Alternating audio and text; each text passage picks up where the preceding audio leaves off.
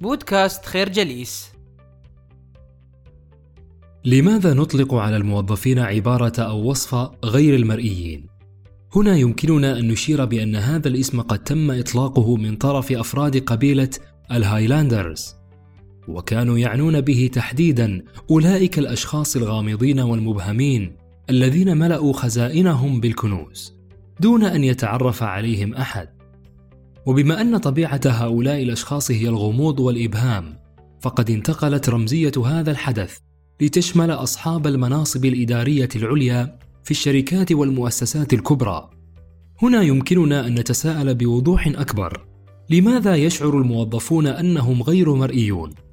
هذا إحساس يمكن أن يتسرب إلى شعور أي واحد منا وفي أي لحظة من لحظات حياتنا المهنية.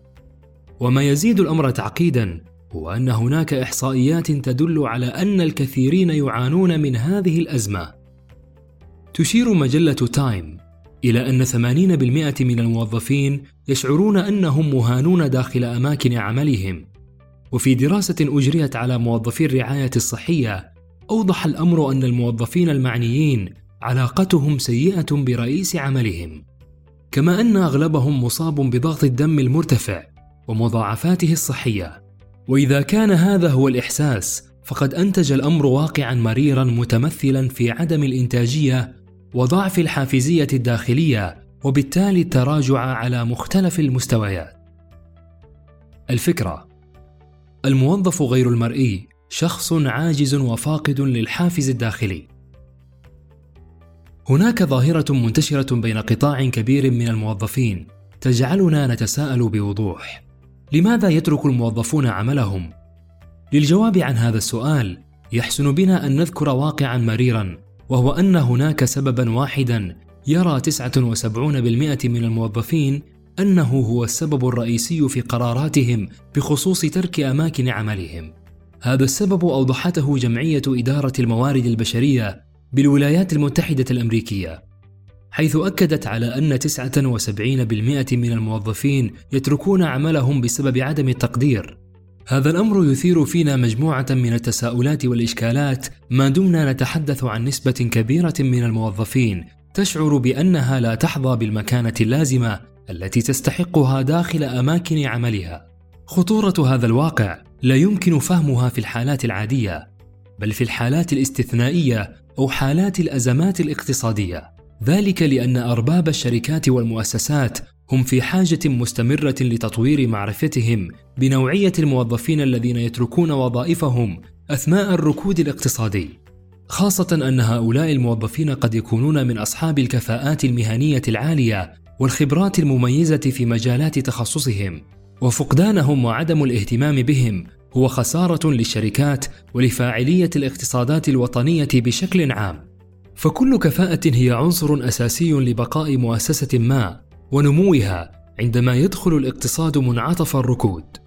ومن خلال التجربة يمكن القول أن الموظفين لا يتركون عملهم سعيا وراء المال، بل يتركونه هربا من هؤلاء المشرفين الذين يرأسونهم. الفكرة نسبة كبيرة من الموظفين يتركون أعمالهم بسبب عدم التقدير والاحترام.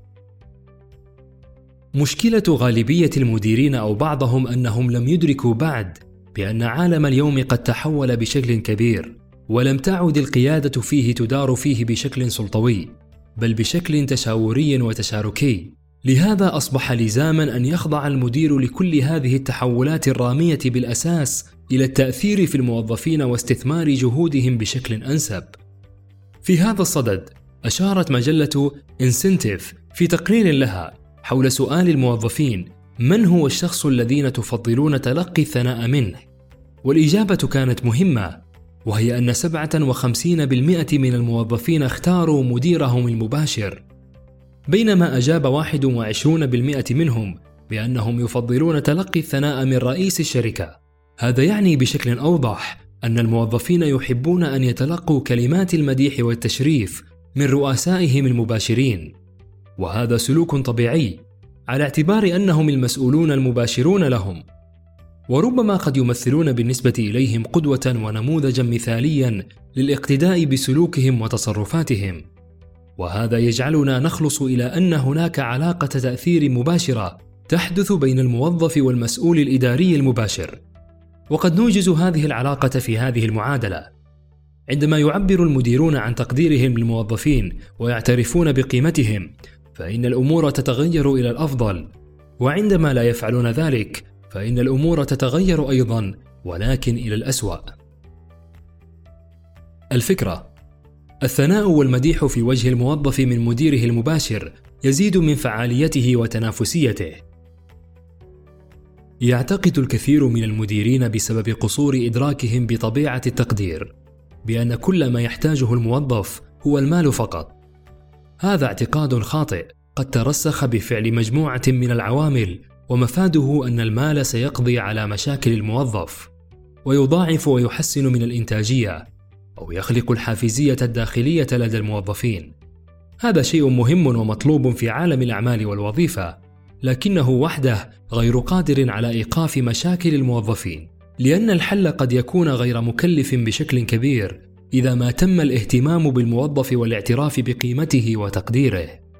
يقول ريتشارد كوفازيفيتش مدير شركة ويلز فارغو للخدمات المالية. إن التقدير هو أداة التحفيز الأقل استخداما في الولايات المتحدة. والمشكلة أن هذا التقدير بالرغم من تواضع تكلفته غير أن الكثيرين لا يهتمون به لسيطرة العقلية التسلطية على الكثير من المشرفين والإداريين.